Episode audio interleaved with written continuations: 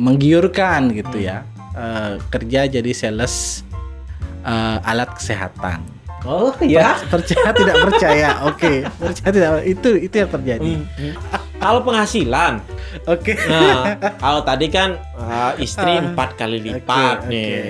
Jadi setelah jadi jurnalis masih masih ya. Dan kelihatannya ini dengan hati menjadi gurunya dengan hati. Dengan hati. Pertanyaannya, iya. kalau sudah demikian, kenapa kemudian beralih jadi jurnalis?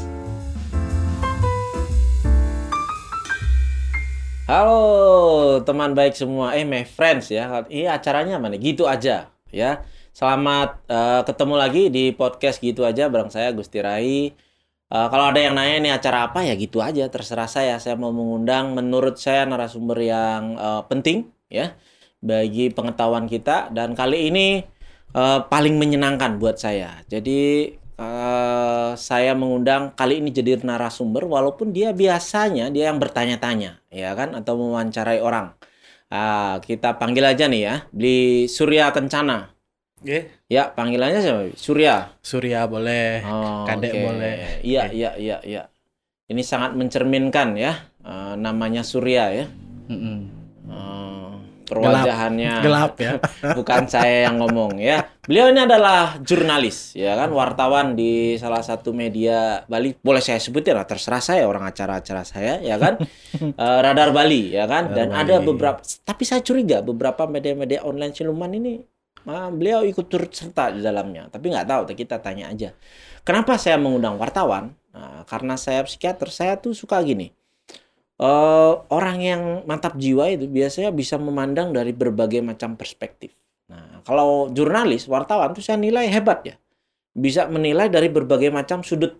Uh, jadi satu berita itu bisa dilihat dari mana-mana nih. Konfirmasi dari menurut ini jadinya begini.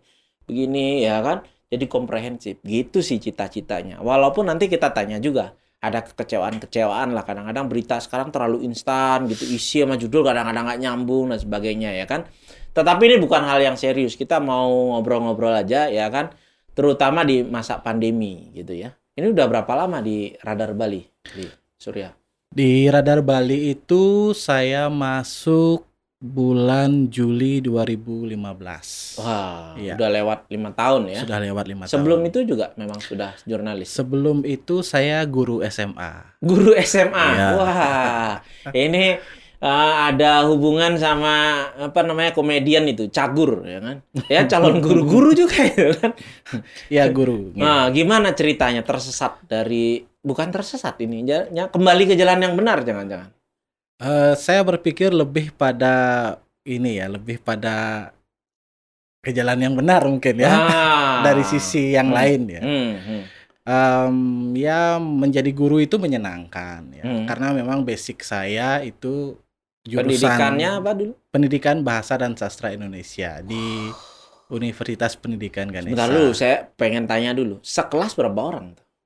Waktu itu saya sekelas di bangku kuliah itu 27 mahasiswa. Oh, keren. Saya nanya itu sengaja karena kalau di zaman saya kayaknya nggak sampai dua digit. kalau di Udayana ya. tapi ini udah prestasi 27 orang ya kan? Iya, tapi dalam perjalanan ya tidak semuanya juga barengan. Oh kan? gitu. Okay. Pada akhirnya berapa? Eh, pada akhirnya saya lupa berapa. tapi dua digit lah ya tetap dua ya? digit tetap. Dua digit. 2009 hmm. tamat S1, S2-nya 2014. Hmm. Tapi sehat waktu milih jurusan itu. Uh, sebenarnya uh, inilah kecelakaan ya. saya seharusnya mm-hmm. kalau mau mengatakan mm. ya yang dicari mm. adalah income mm. atau pemasukan ya pilihan untuk menjadi kayaknya uh, itu nomor sekian. Nomor sekian. Mm. Cuman Tapi apa yang membuat memilih itu? Karena dulu kebetulan-kebetulan saja gitu. Hmm. Jadi saya melamar waktu itu namanya PMDK ya. Hmm, PMDK. PMDK ya lulus. Ah. Waktu itu Undiksa itu masih bernama IKIP Negeri Singaraja. Ah, jadi belum Undiksa. Belum Undiksa. Hmm. Saya hmm. jalan satu tahun baru ada peralihan Berarti perubahan. setelah Surya masuk jadi Undiksa. Jadi Coba kalau nggak masuk nggak jadi Undiksa itu. Iya. Ya jurusannya sastra bukan sayangnya ya bukan pendidikan tapi bahasa maksudnya dan sastra jarang kan orang mencari memang untuk hal itu dan hmm. nggak hmm. ada bayangan sebenarnya mau jadi apa waktu itu uh, kebetulan-kebetulan itu karena hmm. ya saya suka sama sastra Indonesia. Ah. Jadi 2015 sempat uh, puisi saya Wayan ya. Hmm. Sempat juara dua tingkat nasional ya. Itu hmm. menyisihkan sekitar 1800 puisi yang ah. lain ya. Itu yang juara satu dulu uh, Faisal hmm. Syahresa namanya. Hmm. Hmm. Dari Jawa Barat. Saya hmm. juara dua, juara tiga dari Madura hmm. waktu itu. Hmm. Ya karena nasional itu ya. Nasional. Hmm. Hmm. Ya karena itu pengaruh dari literasi ya. Jadi hmm. biasa baca, hmm. baca. Hmm. SMP saya sudah baca novel Saman karya hmm. Ayu Utami itu nah, saya, tahu itu saya baca itu. Saya, Ada di perpustakaan sekolah. ya, hmm. itu kelas 3 SMP sudah baca hmm. itu. Hmm. Jadi hmm. setelah itu baca Siarah karya hmm. Iwan Simatupang. Nah, hmm. setelah itu juga baca-baca yang lain. Hmm. Nah, jadi hmm. suka jurusan itu. Hmm. hmm. Saya tidak membayangkan dulu bahwa jadi awalnya hobi. Jauh awalnya hmm. hobi ya, tapi hmm. memang ketika sampai di sana hmm. banyak juga dosen yang bagus ya. Hmm. Di samping juga ada juga Kalau yang keluarga mendukung waktu itu. Keluarga tidak tahu sama sekali. Artinya begini, saya juga ikut tes hmm. di, di STPDN hmm. waktu itu. Hmm. Hmm zaman saya itu hmm. ada yang tidak usah tes hmm. itu lulus hmm. tidak hadir di lokasi tes lulus hmm. itu zaman itu ya hmm. sekarang mungkin lebih bagus hmm. ya jadi jadi hampir menjadi camat ini Ya memang kan tidak ada di bukannya gimana gimana maksudnya STBDN di zaman saya ya.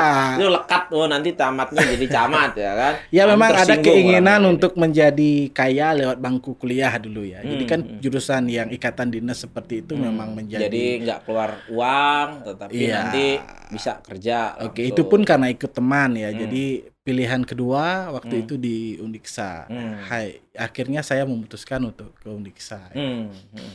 SPP masih tiga ratus lima puluh ribu per per, per semester. semester. Iya, ya, per semester. murah kan. Hmm. Eh, Jadi saya aja kedokteran, eh tapi kita agak beda zaman okay, ya kan, okay. ya setengah dasawarsa. Tapi kalau saya uh, SPP enam ratus ribu. Okay. Masuk ke dokter itu 2 juta. 2 juta ya. Iya. Kalau sekarang berapa? uh, berapa ya? Nggak bisa dihitung ya kayaknya. Ya. Hmm. Baik ya. Setelah itu akhirnya ketemu mungkin tuh saya kuliah di hmm. Uniksa Singaraja itu memang ditakdirkan untuk bertemu istri saya sekarang. Oh, jadi ketemunya di kuliah. Di kuliah. Satu jurusan beda dia hmm. jurusan hmm. bahasa Inggris pendidikan bahasa Inggris hmm. jadi mungkin saya ditakdirkan ke sana memang hmm. karena saya ditakdirkan untuk punya anak bernama Putu Uma Bumi dan Kadek Raya Matahari itu Wah, jadi iya. kalau tidak kuliah ke, di sana nah, ya nak nak ketemu nah, istri sekarang ya. itu hikmahnya ya hmm. jangan-jangan masuk yang pilihan pertama jadi berita ya. jadi nah. ya dulu pengalamannya ketika hmm uh, eh, IP saya lumayan besar ya, jadi hmm. saya lulusan terbaik nomor dua di Woi, ya. ada apa anda dengan juara dua ya? Uh, saya entahlah. uh, jadi uh. waktu itu Putu Chandrawati uh. yang indeks prestasinya terbaik, saya yang kedua. Oh. Jadi saya pikir jadi daripada dengan, menjadi saingan ini lebih Enggak, dia bahasa Inggris jadi beda. Oh, beda. Dia sekarang istri polisi. Hmm. Uh, saya oh, saya pikir yang jadi istri sekarang bukan, itu. bukan, itu berbeda. Itu hmm. teman sekelas hmm. istri hmm. saya. Oke, hmm. jadi saya pikir dengan indeks prestasi hmm. seperti itu akan mudah menjadi hmm. dosen. Hmm. Saya oh, pikir targetnya dosen. Targetnya dosen, hmm. makanya kuliah S2. Hmm. Uh, oh kuliah S2 lagi? Kuliah S2 karena kan syarat hmm. administrasinya Apa kan harus kalau itu. jurusan sastra sama. sama ada ya? ya? Ada. Hmm. Jadi keinginan sebenarnya ke sana ya hmm. karena memang saya menilai hmm. uh, karena pergaulan saya adalah dengan kawan-kawan yang memang hmm. menggeluti dunia hmm. sastra senyatanya ya hmm. tidak hanya di bangku akademis hmm. ya jadi saya pikir ya uh, saya mampu untuk hmm. uh, mengambil hmm. peluang itu ya uh, ya dibuktikan dengan dengan ya memang saya berprestasi di bidang hmm, itu gitu loh. Masuk akal. Mas, sangat masuk akal, tapi hmm. memang kadang-kadang rencana dengan rencana ya harapan hmm. ke, dan keinginan kita dengan realita yang terjadi itu berbeda. Berbeda ya. Hmm. Jadi uh, ya uh, ya mungkin ada yang lebih baik Jadi dari saya. Ke, kan? Saya nggak bilang kegagalan ya. ya. Apa namanya ketidakcocokan antara rencana dengan kenyataan okay. ini dihadapi dengan ada perih-perihnya apa gimana? Uh, tidak, saya hmm. tidak saya tidak merasa perih, saya tidak hmm. merasa apa begitu hmm. ya. Jadi um, ya gagal itu ya karena memang saya berpikir eh, saya tidak saya tidak jodoh di sana hmm. atau tidak memiliki kualifikasi di sana begitu. Hmm. Uh, saya berpikir ya kalau memang tidak ada Nggak tes. rugi, udah S2. Oh, enggak ya. lah. Enggak Kenapa ya? rugi? Tetap ya. Tetap ya kalau saya nggak kuliah di sana saya nggak ketemu sama ibu istri saya sekarang. Kan? gitu. itu jadi sebenarnya ke sana bukan cari uh, titel, ya, tapi cari jodoh, ya kan? Ya. Nah, nah, begitu perjalanannya singkat ya, ya, kata ya, ya. Saya jadi guru itu sekitar lima tahun dari hmm. 2009. Itu honorer itu. Itu tetap. Saya hmm. jadi oh, saya honorer itu hanya sekitar enam bulan aja. Wah, kan enam bulan kurang. Enam beruntung. Enam enam bulan kurang bahkan. Itu di mana? Itu di SMA Laboratorium Uniksa Singaraja. Oh di Singaraja. Jadi kebetulan waktu hmm. itu ketua yayasannya Prof uh, Imade Sutamo. Hmm. Jadi beliau tahu saya hmm. senang gitu, hmm. gitu saya istilahnya hmm. saya pengen belajar pengen belajar dan hmm. sebagainya. Dan memang ya terkejut juga sih ya ketika hmm. terima honor pertama guru itu tiga ratus lima puluh ribu. Tiga ratus lima puluh per bulan itu cukup bayar SPP kuliah itu cukup ya tetapi untuk hidup ya sangat kurang kecil hmm, hmm. tapi waktu itu saya mengatakan 350 saat itu tahun berapa itu ya? itu 2009 itu sudah kecil 2009 itu kebetulan baru itu iya baru dan segitu memang hmm, dan hmm. akhirnya memang ya saya tunjukkan prestasi hmm, lah hmm. Jadi semenjak saya mengabdi di sana jadi pegawai tetap juga hmm. sudah punya nomor induk pegawai hmm uh, sampai 2014 ya di sana ya hmm. uh, ya sekitar 60 prestasi sudah hmm. saya sumbang ke SMA itu hmm. ya ya beberapa sekarang siswa saya bahkan sudah punya buku Wih. seperti Mokge itu hmm. Hmm saya yang belum punya bahkan. Hmm, hmm, hmm, hmm. ya jadi begitulah. Arti, hmm. artinya prestasi itu yang saya maksud ya capai. Ya, prestasi guru kan kalau muridnya kemudian ya, jadi. Capaiannya hmm. sudah sampai tingkat nasional. Dulu ada hmm. lomba namanya Equilibrium Theater Kompetisi ya, hmm. uh, Fakultas Ekonomi Udayana itu hmm. kita juara satu nasional. Hmm. Uh, aktrisnya, aktornya juara satu dan kita hmm. akhirnya memberanikan diri pentas ke Semarang. Hmm dan itu saya kelola dulu para siswa saya kita jualan kupon bakso tulang lunak hmm. untuk nambah-nambahin biaya dari uh, bantuan pihak yayasan dan sekolah seperti itu jadi kita naik bus ke Semarang hmm. balik jualan bakso uh, kita uh, kerja sama sama bakso hmm. tulang lunak kebetulan hmm. ada dulu dagang bakso tukang tulang hmm. lunak di daerah Jalan hmm. Gajah Mada Buleleng ya Buleleng jadi di sana kita situ. Biasalah zaman itu gitu kan kalau mau iya. berangkat acara iya. biasanya Jadi sudah sampai tahap ini. seperti itu hmm, ya. Hmm. Jadi ya itu menjadi eh, membanggakan kan. Itu, itu menjadi cat ada dalam hati gitu. Itu menjadi catatan tersendiri sih di samping juga uh, ya beberapa aktivitas lain yang hmm. saya pikir membuat yang saya pikir edukasi atau pendidikan sebenarnya ada adalah hal seperti itu gitu. Hmm. Tapi memang benturan-benturan yang terjadi ya pada akhirnya membuat uh, saya pribadi ya ya dalam hati tidak mau mengawas ujian nasional. Hmm. Ya. Ada apa nih dengan ya, ujian ya, karena real realitanya yang terjadi adalah kita tidak boleh memarahi siswa ketika mencontek ketika ujian berlangsung. Hmm. Itu itu ini realita. Jadi capaian eh, capaian-capaian siswa hmm. yang lewat ujian nasional itu ya itu sandiwara belaka. Hmm. It, ini ini saya loh menuturkan hmm. dan saya saksi hmm. mata. Hmm. Saya pernah ngawas di beberapa sekolah negeri di sana waktu hmm. zaman itu. Ya karena sekolah juga di apa namanya dituntut ya supaya hasilnya juga baik. Ya, ya padahal itu kan rekayasa saja sama seperti ketika ada siswa dengan nilai tertinggi lalu tiba-tiba dia dites secara oleh pihak independen lalu hmm. tidak bisa menjawab apa pun itu apa? Apakah itu pendidikan yang kita inginkan? Iya, saya ingat tuh di zaman-zaman UNAS itu dari berita ya. Hasil yang paling jujur itu di NTT. Di NTT. Ya. Itu jadi, kenapa kemudian dia paling jelek gitu? Jadi begitu maksud saya adalah uh, di jadi kekecewaannya itu karena itu. Eh, saya tidak kecewa sih sebenarnya. Saya hmm. hanya mengatakan bahwa realitanya seperti itu. Hmm. Kalau saya kecewa, kepentingan saya juga sebenarnya tidak uh, ada ya. Hmm. Karena saya sudah memilih ruang yang untuk mengobati itu. Jadi hmm. Hmm. saya dulu pernah mengatakan kepada siswa kalau memang seperti itu ya terjadilah tetapi dalam proses tolong jangan dengan saya tidak ada hmm. kepalsuan begitu. Hmm mungkin nanti beberapa siswa hmm. yang pernah saya didik di hmm. sana ya hmm. mendengar podcast ini mereka akan sepakat karena memang hmm. di kelas saya selalu mengatakan seperti hmm. itu hmm. dengan saya tidak ada kebohongan hmm. hmm. terserah nanti dan kelihatannya ini dengan hati nih menjadi gurunya dengan hati dengan hati pertanyaannya iya. kalau sudah demikian kenapa kemudian beralih jadi jurnalis jadi begini ketika saya selesai sudah jadi uh, pegawai tetap mm -hmm. ya kan guru tetap di sana berprestasi mm -hmm. dan kayaknya bukan hanya berprestasi tapi passionnya di situ mm -hmm. ada ada kebanggaan di situ saya menikah Januari 2014 mm -hmm. istri saya bekerja di Denpasar mm. uh, dia bekerja ke kebetulan di sekolah internasional ter tertua di Bali ya mm. Bali International School mm. sekarang bernama Bali Island School um, gaj peluang yang baik. gajinya oh. Oke. Oke. Hmm, hmm. Gajinya itu berapa kali lipat? Waktu deh? itu empat kali lipat dari gaji saya. Hmm. Ya, waktu itu ya, ya hmm. begitu. Jadi hitung-hitungannya karena hmm. saya asli dari Dalung. Hmm. Kalau saya tinggal di Buleleng, lalu istri saya kerja di sini, lalu saya ajak istri saya hmm. ke Buleleng untuk mohon maaf untuk penghasilan yang hmm.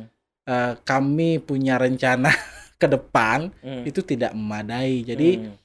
saya harus memutuskan waktu itu hmm. dan uh, keputusan tegas yang pertama adalah uh, menikah hmm. di Januari 2014 setelah hmm. kami menjalani tali asmara ya dari hmm. 1 Juli 2006 jadi 8 tahun kami pacaran 8 tahun ya oke okay uh, mm. dengan riak-riaknya. Oke. Okay.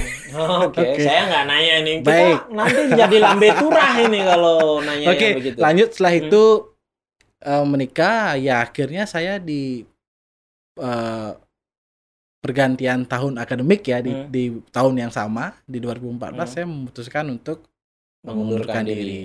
Ya, mm. mengundurkan diri um, setelah itu sempat jadi tapi kan biasanya kalau jadi guru SMA di mm -hmm. oh kayak masalahnya adalah masalah tempat supaya kumpul mm -hmm. okay. pindah ke Denpasar biasanya kan karena uh, sudah hamil istri waktu itu mm -hmm. itu itu pertimbangan maksudnya kan psikologis ya. akhirnya jadinya juga guru SMA juga di sini. Iya, saya sempat jadi kepala sekolah juga. Oh ya? Sempat kepala Wah, sekolah SMP ya. Ini kayaknya bikin berdebar-debar banyak murid ini ya. Sebuah kepala sekolah SMP. SMP sempat, tapi hanya beberapa bulan saja. Uh mhm. -huh. Ya, karena mohon maaf waktu itu karena SMP-nya saya tidak sebut namanya uh mhm. -huh. ya.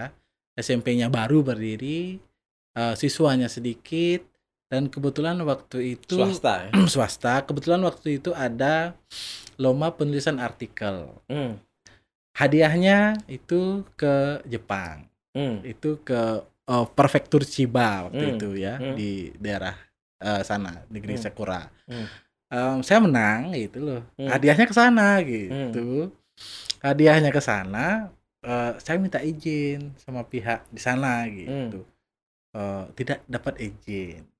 Padahal saya hmm dapat Harusnya kan diklaim, wah ini hebat nih. Iya, ya kan, tapi mungkin karena waktu itu staf pengajarnya hmm. sedikit ya, hmm. jadi saya juga maklumi ya. Jadi saya mundurkan diri. Akhirnya tetap berangkat. Tetap berangkat uh, selama satu setengah minggu di sana. Hmm. Di sana saya ketemu beberapa kawan wartawan yang juga ikut hmm. ke ke Jepang. Hmm. Ada Yudi Karnaidi namanya hmm. wartawan Bali Pos. Hmm. Ada mau siapa saya lupa ya hmm. dari Bali TV. Hmm. Uh, jadi ya di sana saya lihat kerja wartawan meskipun sebenarnya di Buleleng teman-teman saya juga wartawan hmm. ada Madi Atnyana Ole ya wartawan senior Bali wow. Pos jadi begitulah gitu hmm. jadi hmm. mengalir aja nah hmm. setelah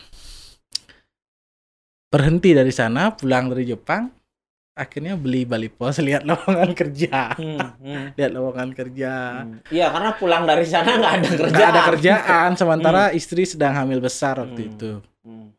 nah meskipun ada tabungan waktu itu hmm. ya uh, jadi lihat lowongan pekerjaan hmm. ketemulah yang menggiurkan gitu hmm. ya uh, kerja jadi sales uh, alat kesehatan Oh ya. percaya tidak percaya. Oke, okay. percaya tidak itu itu yang terjadi. Mm, mm. Tapi tidak lama juga, mm. hanya enam bulan mm. waktu itu ya. Jadi ternyata saya punya kemampuan merayu orang untuk membeli alat kesehatan. Mm. Ya jadi uh, apa namanya di membuktikan bahwa jurusan sastra ini juga berguna untuk marketing. Ya, tapi ya di di lapangan mm. ya kita mengalahkan diri sendiri ya, mm. malu gitu loh titel S2 lu jualan alat kesehatan ke iya, gang-gang iya, sempit menyapa setiap orang hmm. itu sampai ke daerah hmm, Gianyar hmm. daerah Ubud di Sanur ketemu sama orang yang mungkin kenal sama hmm. keluarga saya gitu tapi di sana saya belajar hikmahnya itu mengalahkan rasa malu itu menaklukkan diri sendiri masuk ke rumah orang dan hmm. sebagainya istilah di kan istilah di gitu istilah di apa uh. sales tuh pitching ya uh. pitching kalau hmm. terjual closing hmm. dan sebagainya hmm. itu saya alami ya. hmm. ya apalagi kalau sales itu kan kalau di kampung-kampung nah, dipikir bahwa ini penipuan ini iya, apa ya kan Ada iya benar tuh. endingnya hmm? uh, orang tua saya meninggal hmm. di Maret 2015 ya jadi hmm. waktu begitu cepat berlalu hmm. ya 2015 meninggal akhirnya hmm. saya karena sibuk waktu itu nggak sempat melanjutkan di hmm. sana hmm. padahal sudah punya yang yang di bawah ya hmm. hmm. punya downline gitu ya ya punya hmm. orang yang diajak hmm. kerja lah akhirnya saya tinggalkan nah setelah itu saya membuat uh, rama, uh, lamaran lagi ya ke hmm. sekolah-sekolah semuanya. Saya jadi mau jadi guru lagi. Mau jadi guru nggak ada pilihan mau jadi dosen nggak ada yang jawab gitu loh. Hmm. Padahal tulisan saya banyak. Ternyata hmm. saya nggak saya nggak tahu mungkin syarat jadi, jadi dosen dalam itu mencari mungkin pekerjaan itu tulisan itu kelihatan kelihatannya prestasi IP mungkin nggak perlu yang yang mungkin perlu itu prestasi orang tua mungkin ya hmm. kalau mau jadi hmm dosen atau apa. Jadi nggak enak ngobrol. IP saya kecil, orang tua saya nggak bantu juga gitu. Syukur ya. Ya, ya jadi begitu realitanya. Hmm. Jadi saya berpikir, loh gimana caranya ini? Karena saya harus uh, juga ngantar istri ya. Istri nggak hmm. nggak berani bawa sepeda motor ya. Hmm. Syukur uh, ada ojek online sekarang ya. hmm. ya. Jadi kadang-kadang nggak bisa dia numpang. Nah, jadi saya berpikir apa pekerjaan yang santai jadi saya pilih jadi wartawan hmm. gitu. Wartawan santai. Dalam pikiran saya santai gitu loh.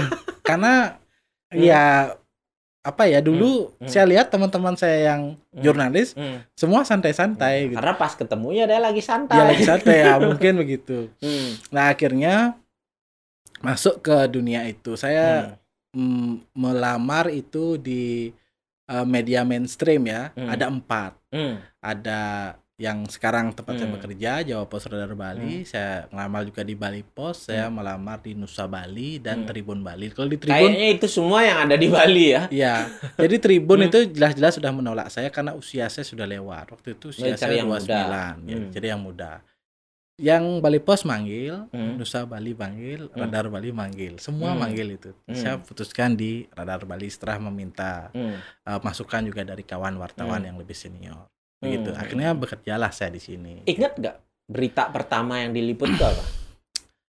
Um, kan hari pertama nih. Iya. Ya, kan? Jadi berita wartawan. pertama itu uh, saya meliput kasus pencurian di Polsek dan Pasar Barat. Oh, jadi kriminal. Ya, kriminal. Jadi ujian khusus di tempat hmm. saya bekerja ujiannya hmm. memang pertama itu di pos kriminal. kriminal. Karena mobilitasnya tinggi ya. Hmm. Jadi kita kalau ada misalnya mohon maaf ya hmm. ada kasus pembunuhan, hmm. kita harus ke TKP. Hmm. Kita harus ke tempat kejadian perkara. Nah, di sini ilmu jadi sales itu penting ya. Tepat tebal gitu kan nanya kanan kiri ya kan. Ya, hmm. lebih pada mungkin hubungan hmm. mitra ya, bermitra hmm. link istilahnya hmm. ya Um, jadi ya memang kita harus dekat dengan kawan di kepolisian, hmm. kawan di uh, TNI ya, hmm. uh, terus kawan juga yang di lapangan hmm. masyarakat dan sebagainya. Di sana akhirnya uh, saya merasa menemukan hal-hal baru. Hmm. Jadi punya banyak teman dan hmm. sebagainya. Ya, wartawan kan ketemu orang baru ya, kan biasanya okay. kan. Hmm. Jadi kalau ditanya nih profesi ya hari guru SMA, kepala hmm. sekolah, sales, ya kan, sales, apa lagi tadi itu ya? Ya terakhir uh, itu. Terakhir akhirnya jurnalis. Mm -mm. Kayaknya kemampuan jurnalis ini dalam bayangan saya disempurnakan oleh pekerjaan-pekerjaan awal. uh, akhirnya saya mm. sepakat dengan mm. hal itu ya, karena memang. Tapi pernahnya di bagian mana aja nih? Kriminal kalau pernah. Kriminal pernah. Terus? Saya di semua pos sudah pernah. Hmm. Karena apa sih adanya sastra budaya ada. Ya, terus ada juga di pengadilan. Pengadilan. Olahraga? Olahraga belum. pernah, pernah juga semua. Hmm. Karena apa namanya ya? Saya pernah jadi wartawan floating. Istilah di hmm. kantor saya ya. Jadi floating itu setiap yang libur saya ganti. Oh. Hari Senin libur misalnya hiburan, saya ke hiburan, seni dan budaya. Kalau hmm. Selasa misalnya olahraga. Dan ini harian kan? Jadi hari itu harus dapat ya. Berapa, harus berapa dapet. berita? kalau kolom waktu hmm. itu ya hmm. di tahun 2015, 2016, 2017 itu ada kolom uh, kalau hiburan itu satu halaman. Jadi harus ada sekitar kita semua isi. Iya, harus ada sekitar hmm. lima enam berita. Hmm. Plus dalam foto, satu hari. Plus fotonya plus dalam satu hari. Hmm. Olahraga juga begitu. Dalam bayangan saya kalau nggak dapat berita kita harus buat berita tuh. uh, tidak bisa. Jangan sampai gitu. Maksudnya berita kriminal kurang nih kita bikin kriminalitasnya ya kan jadi berita gitu kan Repot makanya ya. link itu penting stres itu gimana jadi kadang-kadang kalau di kriminal ya hmm. atau di peristiwa lah hmm. untuk trade news hmm. uh, itu memang kecepatan-cepatan hmm. Kalau dulu zaman saya masuk awal media online masih sedikit hmm. juga uh, yang seperti yang info-info itu hmm, sekarang hmm, masih sedikit hmm. gitu loh. Jadi memang pertaruhan untuk mengejar itu hmm, tinggi. Tinggi. Tapi memang ketika lama-lama sudah melalui hmm. itu kejenuhan muncul. Hmm. Jadi muncul keinginan untuk meraning berita investigasi lah. Hmm, nah, saya pernah yang tahan lama. Ya, saya hmm. sendirian dulu pernah hmm. menulis tentang kasus asusila di sebuah sekolah hmm. swasta di Denpasar. Hmm. Sampai akhirnya Ya kalau nggak salah peguyangan ini bukan bukan ya? Bukan Lain di lagi. daerah Tukadukadan. Hmm. Uh, sampai akhirnya uh, pelaku ditangkap tangkap terus di Jadi lah, begitu ya berita itu bisa Iya, ya. bisa. Bisa. Hmm. Begitulah hmm. energi dari hmm. berita itu. Di samping juga harus mencerdaskan hmm. dan sebagainya. Hmm. hmm, hmm. Ya. Iya, ya. Terakhir ini di bagian mana? Saya sekarang di bagian uh, ini ya, jadi uh, redaktur saya hmm. namanya Rosihan Anwar mempercayakan oh, saya. Saya tahu itu. Ya, hmm. mempercayakan hmm. saya untuk jadi asistennya. Jadi hmm. sudah uh, membantu dia untuk mengedit berita hmm. ngurus halaman mulai hmm. mulai sekitar dua Jadi bulan lalu. terjun langsung. Terjun tetap terjun tetap rangkap ini terjun tetap uh. uh, membantu halaman juga tetap hmm. ya jadi kalau terjunnya yang floating tuh enggak kan? enggak ke lokasi jadi khusus untuk bagian apa nih uh, kan dibagi kan biasanya uh, jadi jadi di samping cetak kita juga punya online online ya hmm. jadi uh, sering kalau kawan saya sadar hmm. kawan saya di kantor tidak terjun ke sana saya ke sana gitu tapi kalau sudah ada kawan, saya nggak ke sana. Oh, ngisi ruang kosong. Ngisi ruang kosong. Jadi hmm. di politik dan ekonomi ya. Politik dan ekonomi. Hmm. Tapi dari sekian banyak uh, apa namanya pos, bagian ya. ya pos, paling menikmati itu di mana? Sebenarnya seluruh segmen itu ada ininya, ada apa namanya plus minusnya ya. Hmm. Kalau paling menikmati itu dari segi rasa loh ya. Hmm kalau basic sih sebenarnya saya budaya ya. Budaya. Sebenarnya budaya. Ya, Tapi memang yang awal, lebih yang ya, di, di sana tidak ada intrik-intrik intrik dan ya hmm. tidak ada intrik-intriknya. Hmm. Jadi tapi bukankah intrik itu yang bikin kadang-kadang jadi sedap? Makanya di politik asik, hmm. di ya hukum dan kriminal juga hmm. asik ya. Jadi hmm. ada tantangan-tantangan hmm. uh, khusus di sana hmm. sebenarnya. Dan saya termasuk orang yang baru menekuni bidang ini ya. Hmm. Tapi memang seperti yang uh, Bung Agung bilang tadi ya, saya sebut oh, Bung aja. Ya?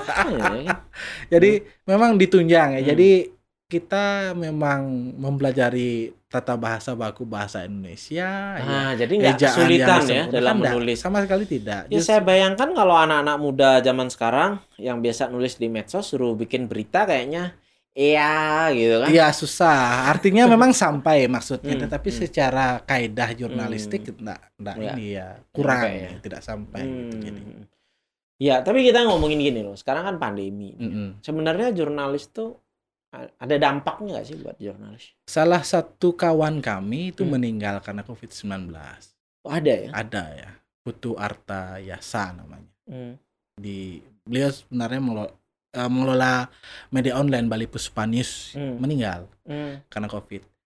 Ya beberapa kawan juga positif, hmm. tapi sudah sembuh ya syukurlah. Itu sembuh. untuk kesehatan. Untuk tapi kesehatan. dalam hal bekerja terpengaruh juga nggak? Uh, kami dulu ada kewajiban wajib tanda uh, ini caps lock ya hmm. ke kantor, tapi itu sekarang tidak. Yes, itu ya.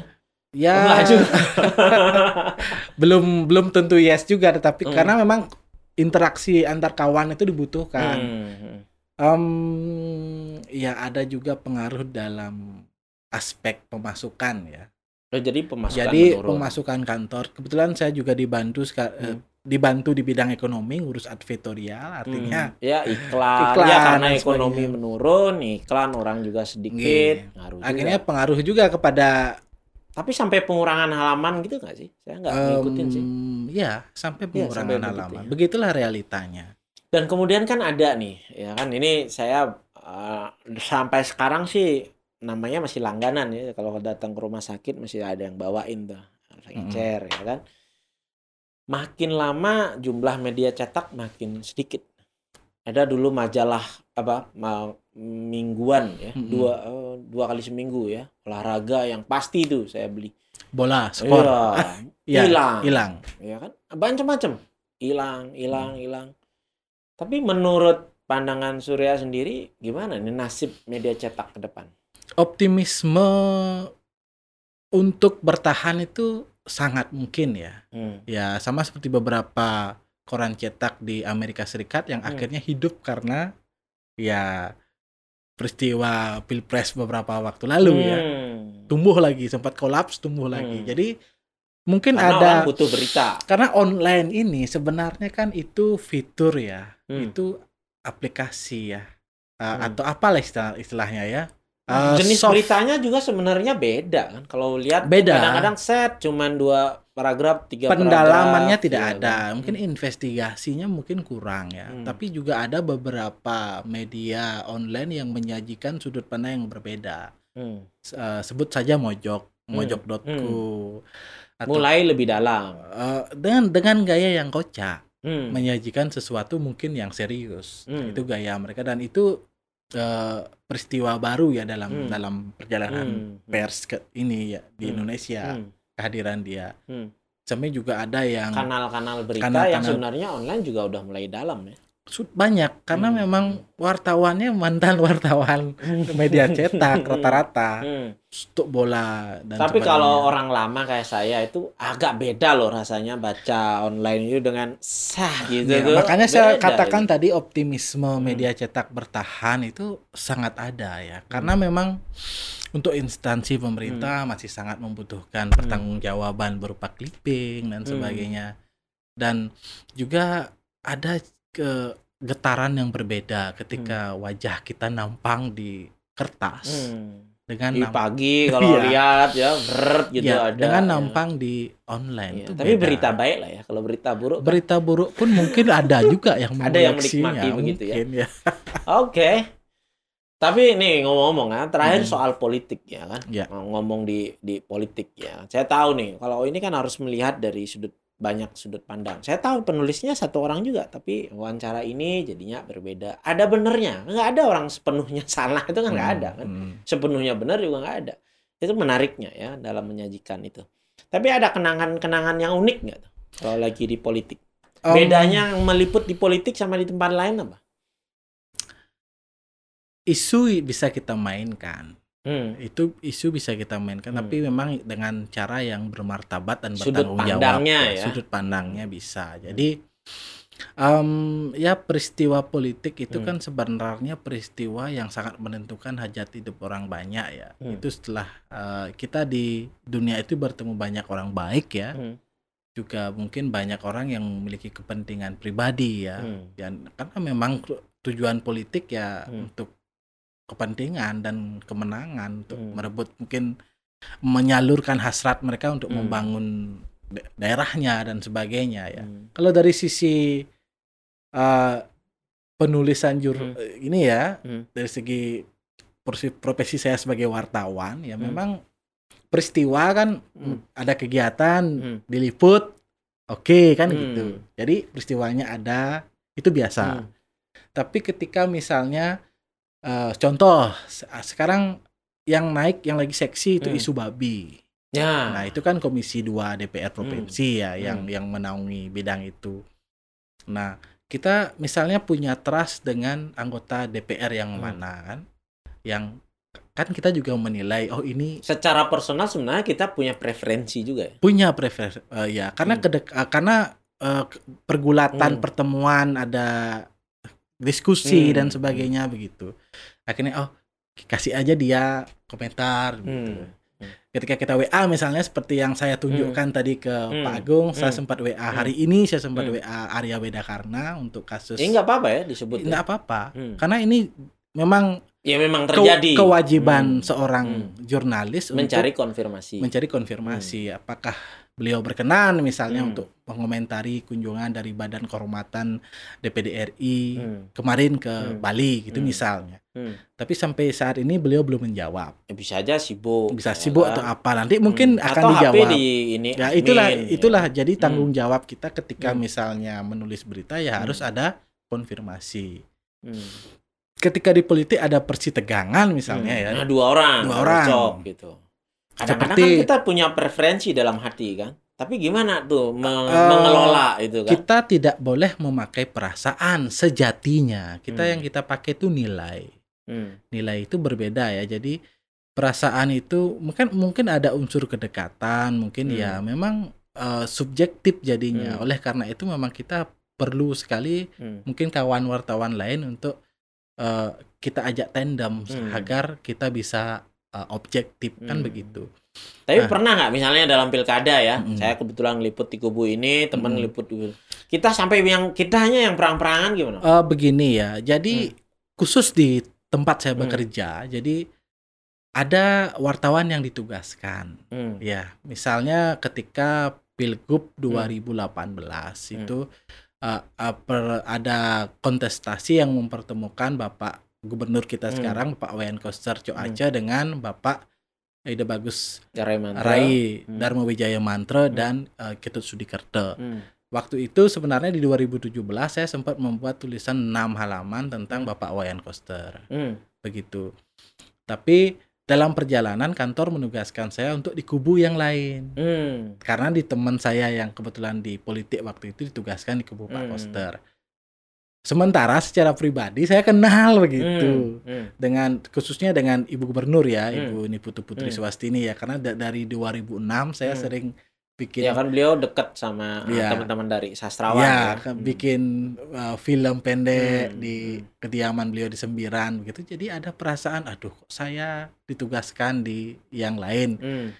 Uh, apalagi mohon maaf hmm. ayah saya juga secara kepartean juga PDI Tulen hmm. di desa hmm. ya, gitu Uh, jadi gimana ya? Ya karena tugas kantor mau tidak mau yang ditugaskan kantor hmm. di sana ya kita di sana. Ya, berusaha aja. Berusaha ya, hmm. ya semaksimal mungkin memberikan servis hmm. karena mohon maaf karena ada bayaran gitu loh, ada bayaran yang masuk ke kantor advertorial istilahnya hmm. gitu. Hmm untuk membantu yang seremonial. Hmm. Nah, tapi da kalau dalam dalam konflik itu hmm. kita tidak boleh memihak. Kita nah, mirip ini sama dokter, apa pun pilihan politiknya tetap diobati, ya kan? Iya begitu. Dengan baik, ya, ya kan? Jadi harus memberikan hmm. ruang yang sama hmm.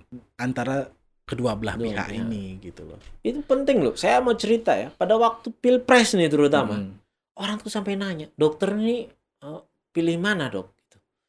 Saya kan bingung. Hmm. Kalau saya jawab, itu berpengaruh kan pada hmm. kepercayaan klien okay, kita. Okay. Padahal sebenarnya Hmm, kayaknya nggak ngaruh. Saya juga nggak pernah nanya okay. preferensinya apa ya dan sebagainya. ya, tapi dalam perjalanan memang hmm. kadang-kadang hmm. kita dicolek pamor istilahnya. Hmm. Oh, kadung di itu, di itu, kadung di ini, di ini. Padahal hmm. sebenarnya secara hmm. hati ya mungkin nanti hmm. ada yang nonton. Hmm. Saya sama sekali uh, lebih mengutamakan Itu karena tugas. Karena mengutamakan nilai ya, nilai. Hmm. Uh, jadi uh, subjektivitas itu berusaha saya redam. Hmm. Meskipun mungkin ada beberapa orang yang uh, pernah istilahnya ada ketidaksepahaman dengan saya hmm. gitu ya itu hmm.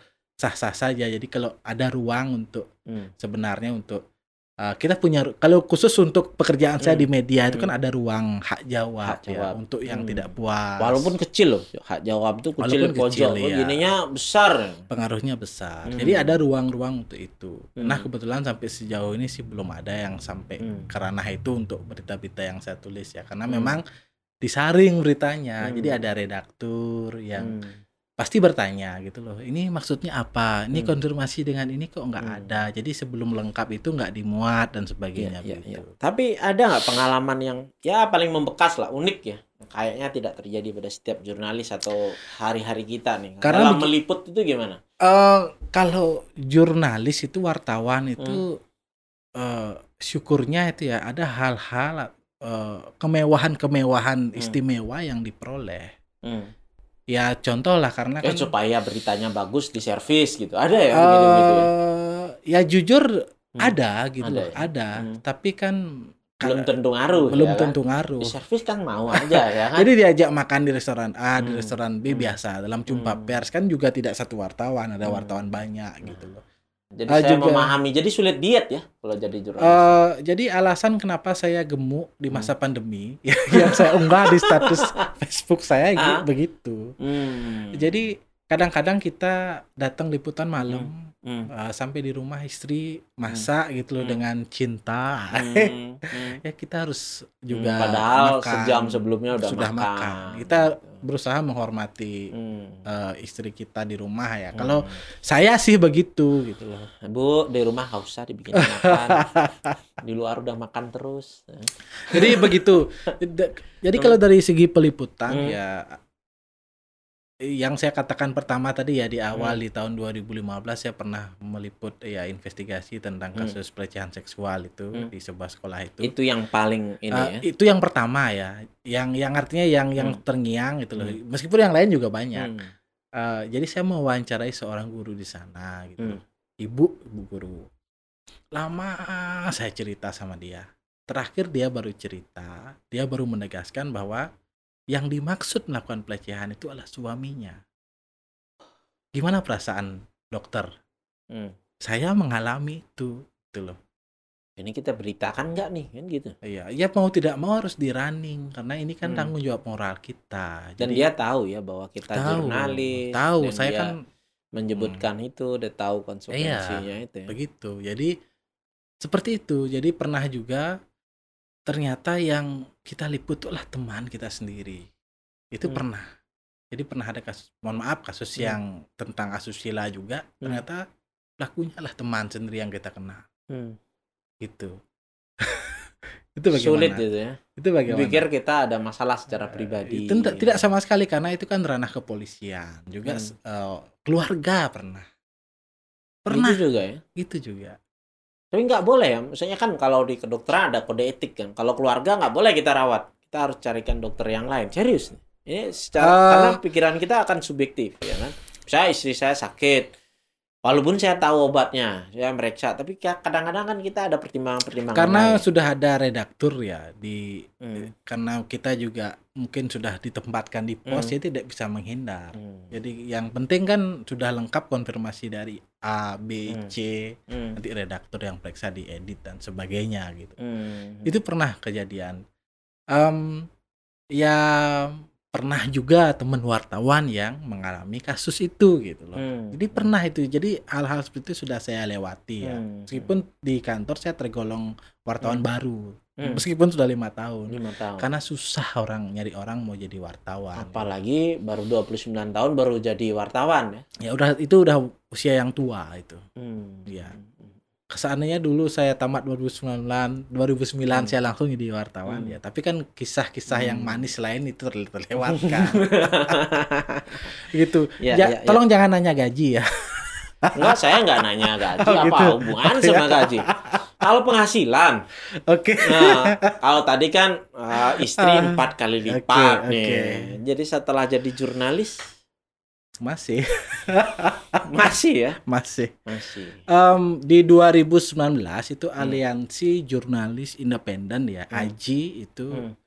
khusus untuk di Jakarta dia sudah merilis hmm. uh, besaran, gaji. besaran gaji itu 8 juta 420 ribu itu minimal untuk hmm. wartawan yang baru hmm. diangkat. Hmm. Nah, itu Jakarta. Segitu. Jakarta. Bali? Har harga mie ayam di Jakarta dan di Bali itu selisihnya paling 500 perak. betul, betul. Harga nasi goreng juga mungkin sama. Hmm. Tapi begitu. Hmm. Saya tidak sebut. Tapi nggak ada bikin standar gitu. Uh, tempat saya bekerja termasuk yang bertanggung jawab ya, jadi UM, eh, UMK lah. Ya tapi maksudnya profesi. Ya. Saya nggak ngom nggak ngomongin wartawan aja, hampir semua organisasi profesi uh, itu uh, jarang menetapkan ya kan okay. minimal berapa. Yang saya tahu tuh yang pintar apoteker. Apoteker, apoteker bikin. Iya. Ya kan? Kita di jurnalis ya di dunia kami, dunia hmm. uh, media ini hmm. itu sering sekali meliput um, serikat pekerja yang protes karena hmm. bla bla bla bla bla. Hmm. Sering sekali. Hmm membantu mereka hmm. menyuarakan keluhan Tapi kita mereka sendiri nggak berani ya kan kerjaan begitulah ya sedikit nanti kalau sedikit hilang juga kan tapi seperti yang dok katakan hmm. tadi ya, hmm. ya ketika saya bekerja sebagai guru itu ada panggilan hmm. jiwa hmm. ya di sini pun begitu jadi kalau saya kalkulasikan dulu saya di sana lima tahun di sini sudah lebih dari lima tahun artinya hmm. saya menemukan juga uh, uh, apa namanya ya kenyamanan ya. Jadi saya bisa kenal sama dok, hmm, bisa hmm. juga kenal dengan teman-teman dok hmm. itu bisa SMS-an sama bupati, hmm. sama wakil bupati. Hai, gitu ya, kan. bisa ini kan. Tidak semua profesi bisa, bisa. melakukan betul. itu. Gitu loh. Jadi betul. karena saya paham betul hidup ini hanya sekali dan hmm. aktualisasi diri itu sangat penting ya. Hmm.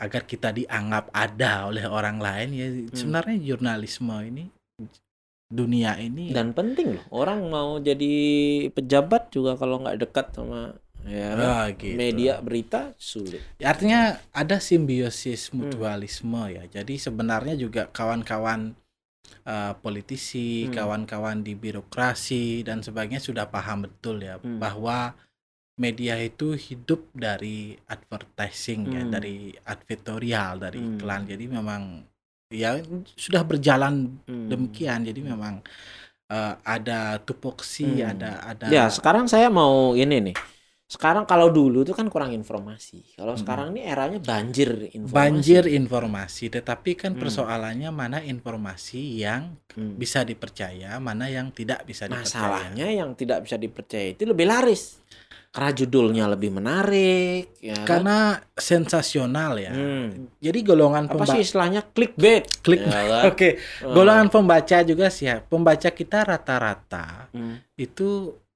uh, mohon maaf ya hmm. mungkin kurang kurang hmm. ya Uh, saya Karena menilai kadang sendiri. baca beritanya, lihat Judul judulnya di share gitu. Di-share. Padahal kalau dibaca sebenarnya nggak begitu gitu. Jadi akan alangkah bijaksananya hmm. kalau berita itu memang dibaca. Hmm. Jadi akan tahu ya karena judul itu sering menipu. Ya, yang saya takutkan kan yang CP itu tumbuh subur ya kan karena market perlu. Nah, yang berbobot karena jarang yang butuh yang berbobot nanti mati gitu. Uh, ini persoalan yang memang serius dan harus hmm. digarap ya. Jadi hmm. memang di sini peran dari pemerintah kan hmm. lembaga uh, pers juga banyak hmm. kan, organisasi hmm. pers juga banyak ada PWI, ada AJI, iya, ada IGTI kalau dan sebagainya. hanya jadi ya. industri ya kan soal bertahan aja. Okay. Tapi beritanya nggak, ya terus terang saya udah malas juga. Hmm. Ya kan? Kalau sekarang ada nih media online itu malas ya saya baca. Hmm. Ya kan? Kecuali yang menyebut soal isu-isu yang saya penting, ya kan? Mau di-share penting nih. Jadi ya, karena memang uh, ibarat kita hmm makan ya hmm. sajiannya banyak banget gitu jadi yang hmm. kita hanya yang kita butuhkan aja yang kita ambil hmm. yang kita pesan kan hmm. gitu dalam dunia jurnalisme pun jurnalistik pun akhirnya seperti hmm. itu kalau ya. dulu enak loh baca harian gitu ya walaupun kalau saya nomor satu ya kalau paling belakang dulu saya inget tuh kalau koran paling belakang tuh olahraga paling depan headline mm oh, dua itu dulu yang dibaca mm ya kan baru yang lain-lain tapi karena kita sudah kadung beli korannya sayang kalau nggak baca berita-berita yang lain hmm. akhirnya kita baca juga hal-hal yang sebenarnya kita kurang tertarik tapi setelah baca wah ada juga jadi yang ngikuti menarik, perkembangan iya. tapi kalau online akhirnya kita cuma cari yang iya. menurut kita senang aja ya makanya kenapa berita hmm. tentang yang berbau seksual itu laris kan nah. cepat sekali kan karena begitu karena kecenderungan masyarakat hmm. kita memang ke sana dan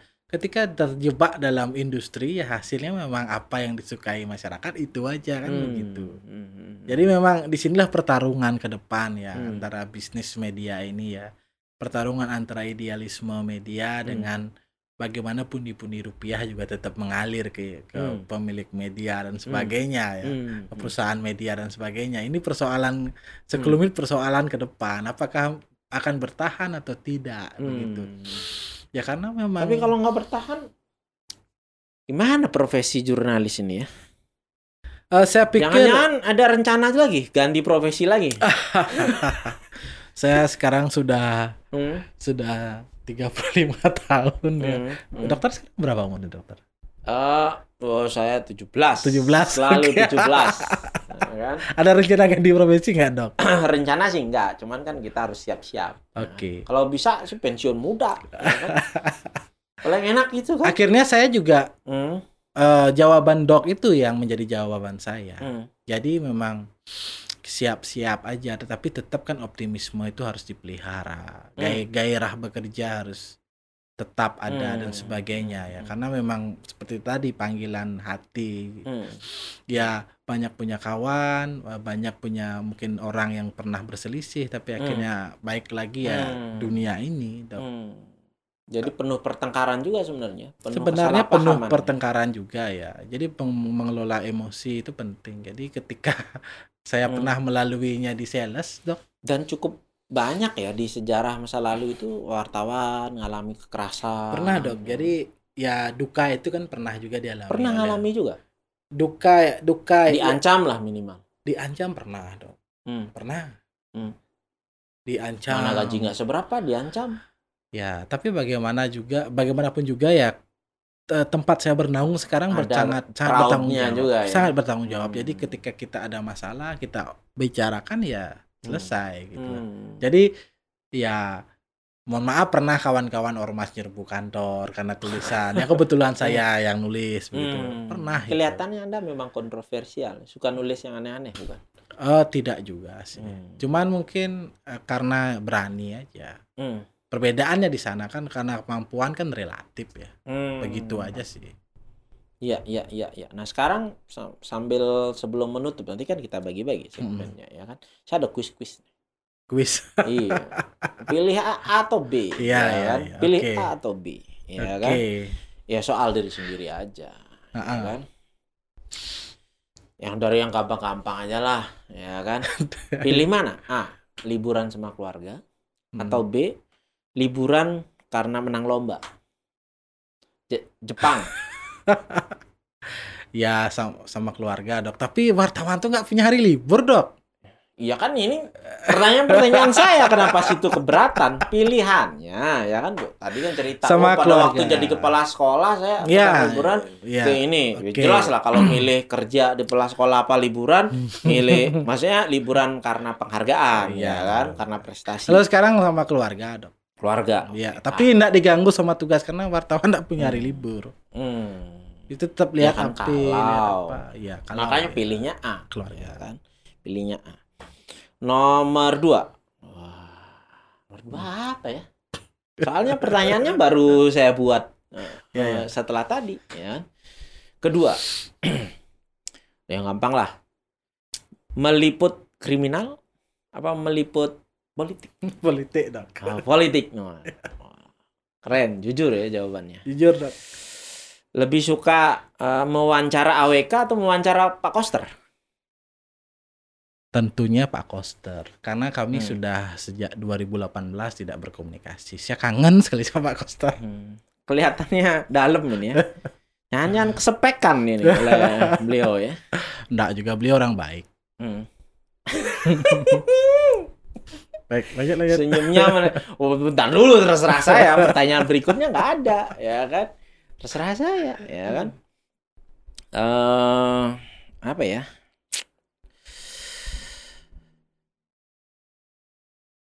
Menang lomba sastra?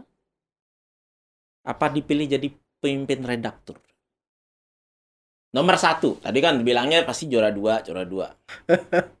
berprestasi di sastra juara satu atau diangkat jadi pemimpin redaktur berprestasi di sastra juara satu dok jadi jangan diangkat ya pak karena perjalanan itu masih jauh oh gitu saya masih hmm. wartawan hmm. muda hmm. baru saya ikut organisasi wartawan jadi itu kan harus utama oh gitu ya iya oh, ada begitunya juga ada jadi ada stratanya harus uh, muda dulu, hmm. media baru hmm. utama. Hmm. Kalau pim, pimpinan redaksi itu harus utama. Hmm. Hmm. Itu syaratnya. Sama seperti sekarang uh, dosen harus S2 kayak gitulah modelnya. Ada hmm. standarisasi hmm. begitu. Jadi kalau saya mengatakan itu masih jauh gitu loh. Oh, makanya jadi karena kemungkinannya kecil gitu hmm, ya. Sejauh. Hmm. Masih banyak Jadi dengan kata lain dia merasa kemungkinan untuk juara satu di bidang sastra itu lebih besar. Lebih besar. Hmm. Iya, karena saya membutuhkan uang, Dok. Ini masa pandemi, Dok. Oke, kita nggak belum menyinggung yang lain-lain, tapi artinya kan kita bisa undang lagi ya kan kapan-kapan hmm. ya kan. Uh, apalagi ya yang terakhir ya. Gini gini, ada uh, fenomena menarik juga nih. Ini juga hal yang baik ya. Dulu ketika kita mulai ya podcast ini ya di Discord ya orang nanya podcast itu apa? Tapi kita baru mulai kapan ya? Hmm. Belum setahun ya, belum setahun. Sekitar Juni, Juni ya enam bulan lewat lah ya, 8 bulan.